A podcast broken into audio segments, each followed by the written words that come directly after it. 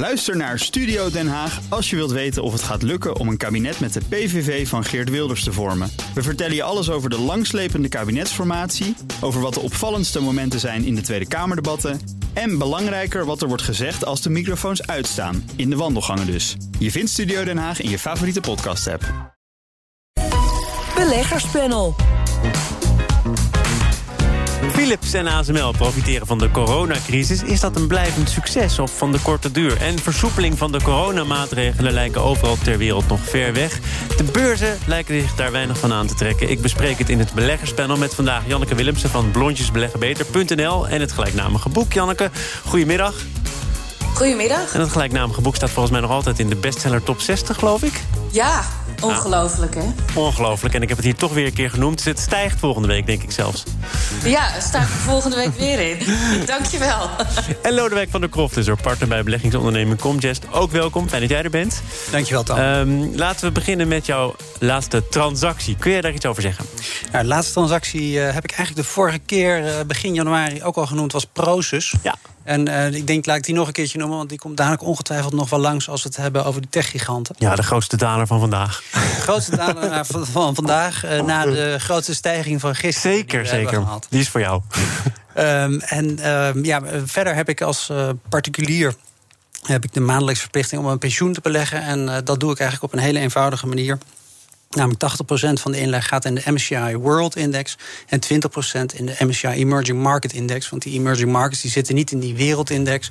En zo probeer ik ja, aan mijn pensioen te werken uh, zonder uh, al te veel erbij na te denken qua timing. En die emerging markets, dat is nogal een. Divers mandje, geloof ik. Hè? Wat valt daar wel en niet onder? Nou, dat was heel erg divers vroeger. Alleen het wordt eigenlijk steeds eenzijdiger. Want ondertussen is 40% van die index is de Chinese aandelenbeurs geworden. Dus het is eigenlijk steeds meer China en de rest. Mm. Vroeger waren Mexico en Brazilië waren hele belangrijke landen in dat mandje. Maar dat is bijna niets meer. Maar er wordt nu zelfs wel gesuggereerd... moet China niet een mandje op zichzelf worden? Ja, daar zit ook zeker wel wat in. Ja. Ja. En stap jij er dan uit? Uit dat mandje emerging markets of niet? Of heb je nou, ook wel nee, vertrouwen dat, in Brazilië, India, noem het maar? Nou ja, ik denk dat er ook in dat soort landen hele goede bedrijven te vinden zijn. Dus daar maak ik me niet zoveel zorgen om. Maar je ziet natuurlijk wel dat China eigenlijk de olifant in de porseleinkast is. En dat zijn ze in emerging markets, maar in toenemende mate ook op het wereldtoneel.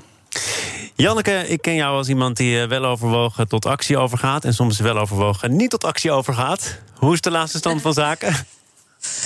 Ja, uh, ik had me enorm voorgenomen om allerlei acties te ondernemen in de portefeuille die ik ook op uh, Blondjes Beleggen Beter uh, publiceer. Maar dat zijn individuele aandelen. En ik merk dat ik het toch heel lastig vind om daar actie op te ondernemen. Dus toen ik net Lodewijk hoorde zeggen over die index van de MSCI World die die volgt. dat heb ik wel bijgekocht. Alleen ja, die publiceer ik niet in die portefeuille. Um, en als ik naar mijn, uh, mijn andere portefeuille uh, dus kijk, die op die website staat, dan. Uh, ben ik eigenlijk ook best tevreden met alles wat ik heb. Vorig jaar is het wat, mijn portefeuille wat gedaald. Um, en ja, er zitten wel een aantal aandelen in die ik er eigenlijk uit zou moeten gooien of willen gooien. Maar ja, nu herstelt alles weer. En dan raak ik in die fuik dat ik denk, ja, maar nu ben ik alweer te laat. Ik moet nog even wachten tot het herstelt. En dan hè, kan ik het met winst verkopen in plaats van met verlies. Nou ja, kortom. Maar, maar welke, welke bedrijven, welke, aandelen, niks. welke fondsen staan er op de nominatie om uh, verkocht te worden en je portefeuille te verlaten? Uh, nou, ik heb uh, al heel lang het aandeel Weight Watchers in portefeuille. En uh, dat begint nu weer een heel klein beetje de goede kant op te gaan. Maar ja, over het algemeen kan je zeggen dat ik daar toch wel de helft van mijn inleg al in kwijt ben. en daarnaast heb ik ook Shell, daar ook veel op verloren. Maar die trekt natuurlijk weer een beetje bij. En je hebt nog geen last die staat van. wel op de schopstoel, uh, zeg maar. Janneke, je hebt nog geen last van mensen die gaan stalken op het moment dat je negatief over een bedrijf schrijft. Of zoals nu een uitspraak doet over Weight Watchers. Dat je wordt gezien als een potentiële shortseller. Zoals dat op Reddit ja. en, en IEX. Op een Reddit-forum. Ja, ja, voor de luisteraars nou, die dat jawel, niet... tuurlijk. En voor de luisteraars die dat uh, niet weten, er zijn allerlei internetfora waar uh, particuliere beleggers op actief zijn, zowel in Amerika als in, uh, bijvoorbeeld ook in Nederland. En je ziet dat daar zo ongelooflijk veel gossip ondertussen rond allerlei kleinere bedrijven is. Dat je, ja, dat, dat de, de koersen kan maken of breken op dit moment. Ja. Nou, Jan, Janneke, is dat een verantwoordelijkheid die je ook draagt? GameStop, ja. hè? Ja, maar, maar jij, jij spreekt je hierover uit. denk je inmiddels twee keer na voordat je dat doet? Of blijf je lekker onbevangen zeggen wat je ergens van vindt? Nee, kijk, ik vind het niet altijd even leuk als iemand het niet met me eens is. Maar ja, dat moet kunnen. Hè. Dat is nou juist het hele spel van beleggen. En uh, het is mijn portefeuille, dus ik kan ermee doen wat ik zelf wil.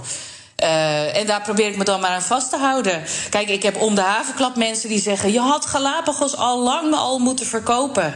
Ja, als ik dat van tevoren had geweten, had ik dat zeker gedaan. Maar weet je, uh, dat aandeel, dat heb ik ook bewust vastgehouden en bewust het risico genomen. Want voor de mensen die dat dan weer niet weten, dat is vorig jaar flink onderuit gegaan.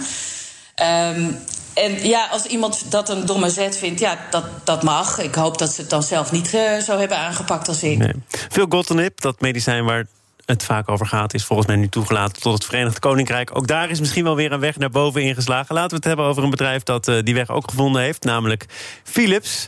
Heeft het uh, goed gedaan met cijfers die gisteren zijn gepresenteerd. Lodewijk, ben je nog ergens door verrast in het bijzonder? Nou, Philips is niet een bedrijf waar wij zelf een positie in aanhouden. Maar je ziet bij Philips wel uh, heel goed dat het uh, twee, uh, ja, twee kanten van de medaille vertegenwoordigt. Enerzijds hebben ze ja, tegenvallende omzet gerealiseerd in de reguliere zorg, waar ze zich sterk op richten. Maar dat werd ruimschoots gecompenseerd door ja, de apparatuur die ze konden leveren voor COVID-patiënten.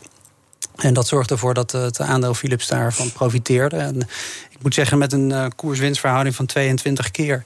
denk ik dat Philips vrij hoog staat, historisch gezien. Maar ik denk dat dat geldt voor heel veel bedrijven op dit moment. Ja, Philips heeft dus uh, op een bepaalde manier geprofiteerd van die coronacrisis. Toch was er een paar maanden geleden veel te doen over een order van, vanuit de Verenigde Staten. Uh, politiek gezien werd dat een kwestie omdat de, de prijs te hoog zou, zeggen, zou zijn. Er werd een order afgezegd met een waarde van 450 miljoen dollar. Janneke, heeft dat nou uiteindelijk dan toch weinig pijn gedaan als je kijkt naar de cijfers? Nou, in eerste instantie heeft dat ze natuurlijk wel uh, flink geraakt. Want het ging om die beademingsapparaten. Hè? Ja. Um, maar uiteindelijk is die vraag toch weer uh, naar die beademingsapparaten uh, flink aangetrokken. Uh, en en zelfs ook in het vierde kwartaal. Dat, dat, dat zag je ook terug in de cijfers. Dus wat dat betreft zijn ze er nog redelijk uitgekomen. Uh, wat ik begrijp is wel dat ze zelf verwachten dat ze dit jaar toch weer minder gaan verkopen. Omdat de meeste ziekenhuizen inmiddels wel uh, voldoende van die beademingsapparaten en, en scanners en monitoren in hun bezit hebben. Maar Philips blijft zich wel uh, in het bijzonder richten op de zorg, een specialisatie. Um, en daar horen ook overnames bij. Dat hebben ze in het verleden gedaan. Dat blijven ze ook doen, zei de CEO Frans van Houten gisteren tegen mijn collega Bas van Werven. Acquisities passen er daarbij om ja. verder de portfolio te versterken. We hebben uh, drie acquisities gedaan in de laatste vier maanden. Het zijn wel uh, flinke investeringen, want de acquisities bij elkaar zijn rond de 3 miljard ja. euro. dus daar past dan ook wel bij dat we natuurlijk dan inkomsten krijgen van, van de huishouden. Ja. En ik sluit niet uit dat we ook in de toekomst nog verder gaan met uh, andere acquisities. Die inkomsten die komen uit de verkoop van uh, de tak die verantwoordelijk is voor de huishoudelijke apparaten, de koffiezetapparaten onder andere. Is het verklaarbaar dat Philips zich zo specialiseert? Is dat goed, Lodewijk? Nou, ik kan me er wel wat bij voorstellen. Uh, het probleem van Philips is natuurlijk dat het een uh, heel groot, breed bedrijf ooit vroeger was, zoals we het kenden. Het stond bijna overal op elk apparaat wat we in Nederland uh, kochten, stond het Philips-logo wel op. Maar ze waren ook bijvoorbeeld uh, actief in de chipindustrie. Uh, ASML is uh, eruit voortgekomen. TSMC, wat het grootste technologiebedrijf op dit moment in diezelfde MSCI Emerging Market Index is. Komt uit de Philips-stal. Polygram, muziek kwam er vandaan. Dus ze hebben een hele lange weg afgelegd om uiteindelijk in die ja, met pharma te komen. En ik denk dat dat een hele interessante tak van sport voor hen is. Niet in de laatste plaats, omdat ja, eigenlijk iedereen ervan overtuigd is dat de medische kosten natuurlijk hand over hand toenemen. En dat investeringen in technologie uh, een belangrijke bijdrage kan leveren aan het, uh, ja, terugdringen van die kosten. Mensen minder lang in het ziekenhuis houden. Maar het is niet alleen een, een keiharde breuklijn, hè? want de elektrische tandenborstels en de scheerapparaten, waar toch nog wat geld mee wordt verdiend, die mogen er, nou, via een soort buitenboordmotor toch nog wel aan blijven hangen, Janneke. Ja, uh, ze zijn wel op zoek om, om, om die andere apparaten te verkopen. Hè? Dus die, die airfryers, de stofzuigers en zo. Maar inderdaad, die elektrische tandenborstels... die deden het nog best goed uh, qua verkopen het afgelopen jaar. Maar goed, uh, weet je, de, de, de focus voor Philips ligt natuurlijk bij die medische apparaten. En die investeringen waar Van Hout het net ook over had... Uh, die, die liggen daar ook op dat vlak en ook op het gebied van, van software. Om dan vervolgens weer uh, data-uitwisseling tussen dat soort apparaten mogelijk te maken. En ik denk dat we daar allemaal, ja, weet je, hoeveel mensen lopen inmiddels wel niet gewoon al met een hartslagmeter of een stappenteller om hun pols. En dat, dat neemt alleen natuurlijk nog maar toe. En als zij aan de achterkant. Dan ook nog uh, in staat zijn om daar uh, nog grotere apparaten aan te hangen. Zodat uh, je, je, je polshorloge een seintje geeft als je naar het ziekenhuis moet. dan denk ik dat daar nog wel een flinke groeimarkt te winnen is. Zegt het nou overigens wat dat er voor die, die tak waarvan Philips afscheid wil nemen... nog drie partijen in de race zouden zijn, alle drie uit China? Dus dat er geen westers bedrijf is dat hier instapt, Lodewijk? Nou, ik denk dat dat een patroon is wat we al langer zien. Dat veel van die consumentengoederen in toenemende mate gemaakt worden in China, maar vooral ook in, ja, daar verkocht worden. opkomende middenklasse, ja, die heeft uh, nog wel een behoefte aan uh, op een gegeven moment nieuwe elektrische tandenborstels. Uh, daar waar wij ze ondertussen, denk ik, in belangrijke mate al hebben. Ja. We gaan naar een ander onderwerp. Zaken doen.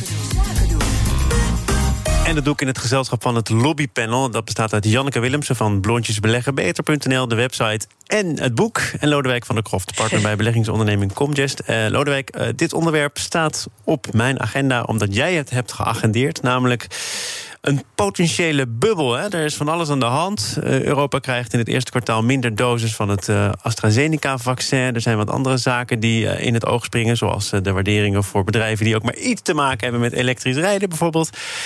Proef ik hier een toenemend ongemak bij jou? Nou, je, je kan natuurlijk niet anders dan constateren dat het wel heel hard gegaan is op de beurs de afgelopen periode. En uh, ik krijg vaak de opmerking van hoe kan het nou dat het met de gewone economie zo slecht gaat en dat de beurs het zo goed doet. En dat uh, ja, kan ik vooral dan verklaren doordat bedrijven die op de beurs genoteerd zijn niet representatief zijn voor de gewone economie. Nou, Philips is net een mooi voorbeeld daarvan. Ja, de, de ontwikkeling in de winkelstraat, daar heeft uh, Philips geen last van. Uh, maar ze profiteren wel in zekere zin van, uh, van corona. Kijk naar ASML, volgens mij weegt dat inmiddels voor bijna 20% mee op de AEX. Ja, er stond een uh, heel goed stukje in het Financieel Dagblad over de verandering in de AEX. Waarbij Adyen werd aangehaald en vergeleken met de financials ABN AMRO, ING en de index. Ja, die, die laatste twee die zitten al heel lang in die AEX-index. Maar ondertussen zijn ze bijna niets meer verwaard ten opzichte van Adyen. Dus, dus die beurs is niet representatief voor wat er in de economie gebeurt. Maar wat je wel ziet is dat die hele lage rente ertoe leidt, zo ook niet negatieve rente. Hè. ABN AMRO maakte bekend op een gegeven moment... dat ze ook nog eens een keertje die negatieve rente eerder gingen heffen. Ja, en zorgde er wel voor dat ik vaker door mensen werd benaderd die zeiden: Goh, ik heb nog nooit belegd, maar ik denk dat ik het nu toch maar eens mee ja, ga beginnen. Dat is geen, dat is geen uh, nieuw fenomeen, toch? Die lage rente is er al heel lang. Tina, there is no alternative. Iedereen gaat toch proberen iets met zijn geld te doen, dat uh, van waarde te laten zijn. Maar waarom is dit voor jou een moment dat je zegt: ja, we moeten toch eens na gaan denken over potentiële risico's? Nou, ik denk dat je in bepaalde onderdelen van de markt, eh, je noemde al de elektrische eh, auto's, eh, elektrische oplaadpalen, de, meest gekke waarderingen zie je ondertussen. En uh, er zijn heel veel bedrijven waar wij hier in Europa nog niet eens van hebben gehoord, maar. We hadden het er net even over Proces. Nou, Tencent is zeg maar het grote Chinese bedrijf waar Proces een positie in heeft. En Tencent heeft een positie van 22% in ik moet het eventjes goed voorlezen. Kuaishao. ik heb, ik heb geen, geen, geen mhm. commentaar op je uitspraak. Uh, in ieder geval, het is een soort van uh, concurrent van TikTok. Uh, een Chinese variant van TikTok gaat een deze dagen naar de beurs. Zou een marktwaarde hebben van 62 miljard. Nou, dat is meer dan Philips, hm. om maar eens eventjes een uh, dwarsstraat te noemen. Uh, maken een verlies van 1,4 miljard. Uh, we hebben wel 262 miljoen dagelijkse bezoekers. En die dagelijkse bezoekers zitten ook nog eens een keertje 86 minuten gemiddeld per dag te kijken naar allerlei filmpjes. En wat is nou het verdienmodel van dit netwerk? Zij uh, geven jou de mogelijkheid om tips te geven aan hosts. Dus zoals bijvoorbeeld bij dit radioprogramma, Thomas, zou jij dus nu tips kunnen krijgen. Ja, ik uh, van ben luisteraars. met gespitste oren aan het luisteren. Ja. En zij ontvangen de helft van al die tips. Ja, dat is een behoorlijke commissie dan, Hmm. zou je kunnen zeggen. Maar, maar Janneke, toch nog even naar eh, hoe, hoe Lodewijk dit aftrapt. Namelijk, ja, mensen zijn op zoek naar iets dat hun geld meer waarde geeft. Dat is dan de beurs Ja. in veel gevallen. Het zijn toch weer de particulieren die dan eh, het, eh, op het feestje komen... en de sfeer verpesten. Ja, en ik heb nogal veel contact met veel particulieren of doe-het-zelf beleggers. Ja. en weet je, ik ben er helemaal voor dat, eh, dat iedereen gaat beleggen. eh, mits je inderdaad geld over hebt wat je voorlopig niet nodig hebt en het goed gaat eh, spreiden. Maar wat me nu wel opvalt, is uh, het lijkt nu eigenlijk een, een spel zonder nieten. Hè? Tenminste, daar lijken mensen van overtuigd. Uh, nu die beurzen eigenlijk al jaren zo stijgen, afgezien van die coronadip. En die coronadip was voor heel veel particuliere beleggers ook juist grappig genoeg het moment om toch maar eens te gaan beginnen met beleggen. Uh, maar, maar nu die koersen daarna ook weer zo hersteld zijn en alles stijgt maar en de rente is laag, dus er stroomt nog meer geld naar die, uh, ja, alles waar je in kan investeren, beleggingen, maar natuurlijk ook uh, huizenprijzen.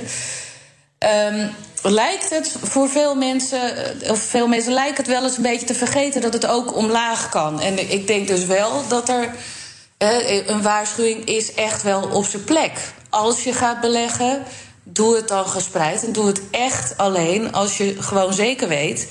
Uh, dat je een tijdje lang kunt blijven zitten in die markt. En dat zodra die omlaag gaat. Uh, en en er, er, komt echt wel weer een moment dat er een flinke koersdaling aankomt. En wanneer, dat weten we natuurlijk nooit. Maar het is nu uh, zo. Uh, maar Janneke, dit zijn toch de basisregels? Dit weet toch iedereen dat je moet beleggen met geld dat je kunt missen? Dat nou, het ook dat zal je verbazen. Gaan. Ja, want dat zeggen we ook altijd. En uh, het zal je verbazen hoeveel mensen het toch uit het oog verliezen. Helemaal als de buurman zegt: hey, ik heb al mijn geld in Bitcoin gestoken. En het is nu uh, vier keer over de kop. Um, ja, veel mensen die, uh, die gaan dan gewoon, uh, die volgen blind. Nou ja, en wat je ook ziet is dat uh, zoiets als Tesla, waar professionele beleggers natuurlijk eigenlijk met een boog jarenlang omheen zijn gelopen, zijn eigenlijk nu gedwongen ook weer om in Tesla te beleggen. Ik haalde net aan dat ik in die MSCI World uh, beleg. Het zit in de index. Het zit potverdorie ook nog eens een keertje in de index voor 1%. Ja. 1% van de MSCI World is ondertussen Tesla. En uh, ja, dat is een zichzelf versterkend uh, systeem. Wat op een gegeven moment, je, je, weet nooit wat de trigger gaat zijn. Maar er komt natuurlijk een moment dat iedereen plotseling denkt: maar wacht eens even, dat is toch heel gek dat we zoveel betalen voor een automobielbedrijf. Want laten we niet vergeten: automobielbedrijven over de lange termijn zijn helemaal geen interessante beleggingen vaak geweest. Nee, behalve als je zegt: Tesla is geen automobiel, automobielbedrijf, maar een technologiebedrijf. Ja, maar als je in China gaat rondkijken, dan zie je zoveel concurrenten opstaan van Tesla. En tuurlijk is Tesla state of the art vanuit ons principe uh, bekeken. Maar ja, je kan een lijst van Li Peng. Uh, je zit Nio, goed in je Chinese uitspraak. Uh, er, zijn gewoon meer, er zijn gewoon meer Chinese uh, elektrische autofabrikanten dan dat er gerechten op een Chinese menukaart staan. Maar wat jij zegt, hè, mensen gaan zich dat op een bepaald moment afvragen. Dat doen ze natuurlijk ook in algemenere zin over een bubbel. Ik, ik kwam een artikel tegen met Jeremy Grantham, bekende investeerder. Die roept dit al een half jaar, drie kwart jaar inmiddels, dat het toch niet gezond kan zijn. Ja, als je dat maar blijft herhalen. Ja, dat is waar, want een klok die uh, niet loopt, is, uh, heeft twee keer per dag gelijk. Als het een analoge klok is, tenminste. Maar kijk, wat, wat je natuurlijk wel kan zeggen bij uh, de Jeremy Granthams van deze wereld, is dat ze zo lang in dit vak al zitten en zoveel keren dit hebben meegemaakt, dat er wel iets van een. Ja, ze hebben wel een soort van ervaring die ja, veel mensen niet hebben opgedaan. Ik ga tot slot naar, um, naar een ander sentiment. Want er is uh, veel animo onder bedrijven om een beursgang te maken. Ook in Amsterdam. Vooral techbedrijven weten de weg naar de beurs inmiddels te vinden. Uh, hoe komt dat, Janneke, dat het op dit moment uh, interessant is om die optie af te wegen? Nou, dat heeft denk ik alles toch te maken met waar we het net over hadden. Uh, als je op zoek bent naar rendement, dan kijk je al heel gauw naar de beurs. En uh, dat doet iedereen op dit moment. Dus daar stroomt veel geld naartoe. En als jij geld wilt uh, ophalen, de kans dat je beursgang nu een succes wordt, ja, die is gewoon heel groot. Ja, dus, dus ook Lodewijk, stel je bent een private equity partij, je wil er vanaf en dat moment dat komt een keer. Is dit een goed moment natuurlijk? Dan moet je nu naar de beurs met je bedrijf. Ja, hè, dat IPOS uh, wat dan naar de beurs gaat en op het Damrak... Ja, dat, dat is niet omdat ze geld ophalen voor nieuwe investeringen... maar gewoon om bestaande investeerders uit te Dat komen. is de Poolse kluisjesmaker? Of ja, eh, de ben Poolse kluisjesmaker. Ja, dat is niet, het is niet heel spannend... maar er wordt wel een hele spannende waardering aan opgehangen... als je zoveel verlies maakt. Ja, ja daar, daar noem je iets. Je maakt verlies. Uh, voorheen werd er ook wel eens gekeken naar maakt een bedrijf winst. Uh, dat is al een tijdje niet meer zo in de mode. Hè? Om te kijken, maakt een bedrijf winst en dat maakt het dan interessant. Uh, nee, maar dan zijn we weer terug bij de dotcom-bubbel van 2000. Want toen speelde het ook niet een, echt een rol. Sterker nog, als je winst maakte, was je een loser. Want uh, ja, dan, dan zag je plotseling dat je enorme uh, koersmultiples betaalde. Terwijl als je ja, verlies maakt, dan heb je geen koers-winstverhouding. In het, uh, in het artikel in het FD vorige week dat hieraan gewijd was, namelijk Amsterdam als populaire plek om een uh, notering aan te vragen, wordt ook gezegd dat kan te maken hebben met het feit uh, dat Londen er minder aantrekkelijk op geworden is en dat er in Amsterdam een soepele regelgeving geldt. En Janneke, ik vroeg me af. Dat is misschien een voordeel voor bedrijven, maar is het ook een voordeel voor beleggers? Of um, kom je ook misschien iets te makkelijk aan de notering en behelst dat dan ook een risico? Ja, dat vind ik echt een hele moeilijke. Want ik ben echt geen expert op het gebied van. Uh, hoe zitten beursgangen exact in elkaar? En wat, waar, waar zitten precies alle verschillen in? Uh, dus, dus die, ja, sorry, die vraag kan ik echt niet beantwoorden. Nou, dan speel ik hem door naar iemand die, ja, dat moet wel bijna, want anders heb ik niemand meer over. Echt een expert is, Lodewijk. nou, dank je, Thomas. Nee, uh, ja, ik denk dat de uh, beurs van Amsterdam niet, niet minder streng of strenger is dan de beurs van Londen. Ik denk dat dat. werd wel een beetje gesuggereerd. Ja, nou ja, die suggestie uh, die is natuurlijk snel gewekt, maar die moet je dan ook wel weer zien te onderbouwen. Kijk, feit is dat beurzen ook onder druk staan om uh, steeds meer te accepteren van beursgenoteerde bedrijven. Je zag bijvoorbeeld in, in Hongkong hebben ze jarenlang het kunnen tegenhouden dat bedrijven die uh, niet aan bepaalde governance vereisten. Uh, regels van goed bestuur uh, zich hielden dat die geen beursnotering in Hongkong kregen. Met als gevolg dat Alibaba naar New York vertrok. Nou, daar hebben ze natuurlijk achteraf heel veel spijt van gehad. En je ziet dat de, de normen worden verlaagd. En dat zorgt ervoor dat er toch steeds meer risico's zitten in IPO's. Dus dat wil zeggen, als belegger moet je daar ook van op de hoogte zijn. Nou, je moet er in ieder geval bewust van zijn. En uh, kijk, aan de andere kant uh, zie je dat er uh, zo ongelooflijk veel IPO's zijn geweest. Vorig jaar alleen al 331 miljard dollar aan geld opgehaald middels IPO's. Ja, ik denk dat dit ook een signaal is dat we een beetje richting het einde van het feestje gaan. We zitten nog niet richting het einde van het cijferseizoen. Dat is volgens mij in volle gang bezig. Janneke, zijn er nog bedrijven, uiteraard de bedrijven in jouw eigen portefeuille, maar die je met extra interesse gaat volgen? Nou, ik, ik, hou eigenlijk alles een beetje in de gaten. Um, de, de, de, grote techbedrijven die komen nog uh, met cijfers. Vorige week hadden we natuurlijk al, uh, al Netflix, die ik dan zelf ook weer heb. Uh, wat ook een beetje nog steeds in dat rijtje van aanvoerders van de grootste techbedrijven past. Ja, die cijfers die waren heel erg goed. En ik ben benieuwd hoe dat bijvoorbeeld met de Microsoft ook eruit gaat zien.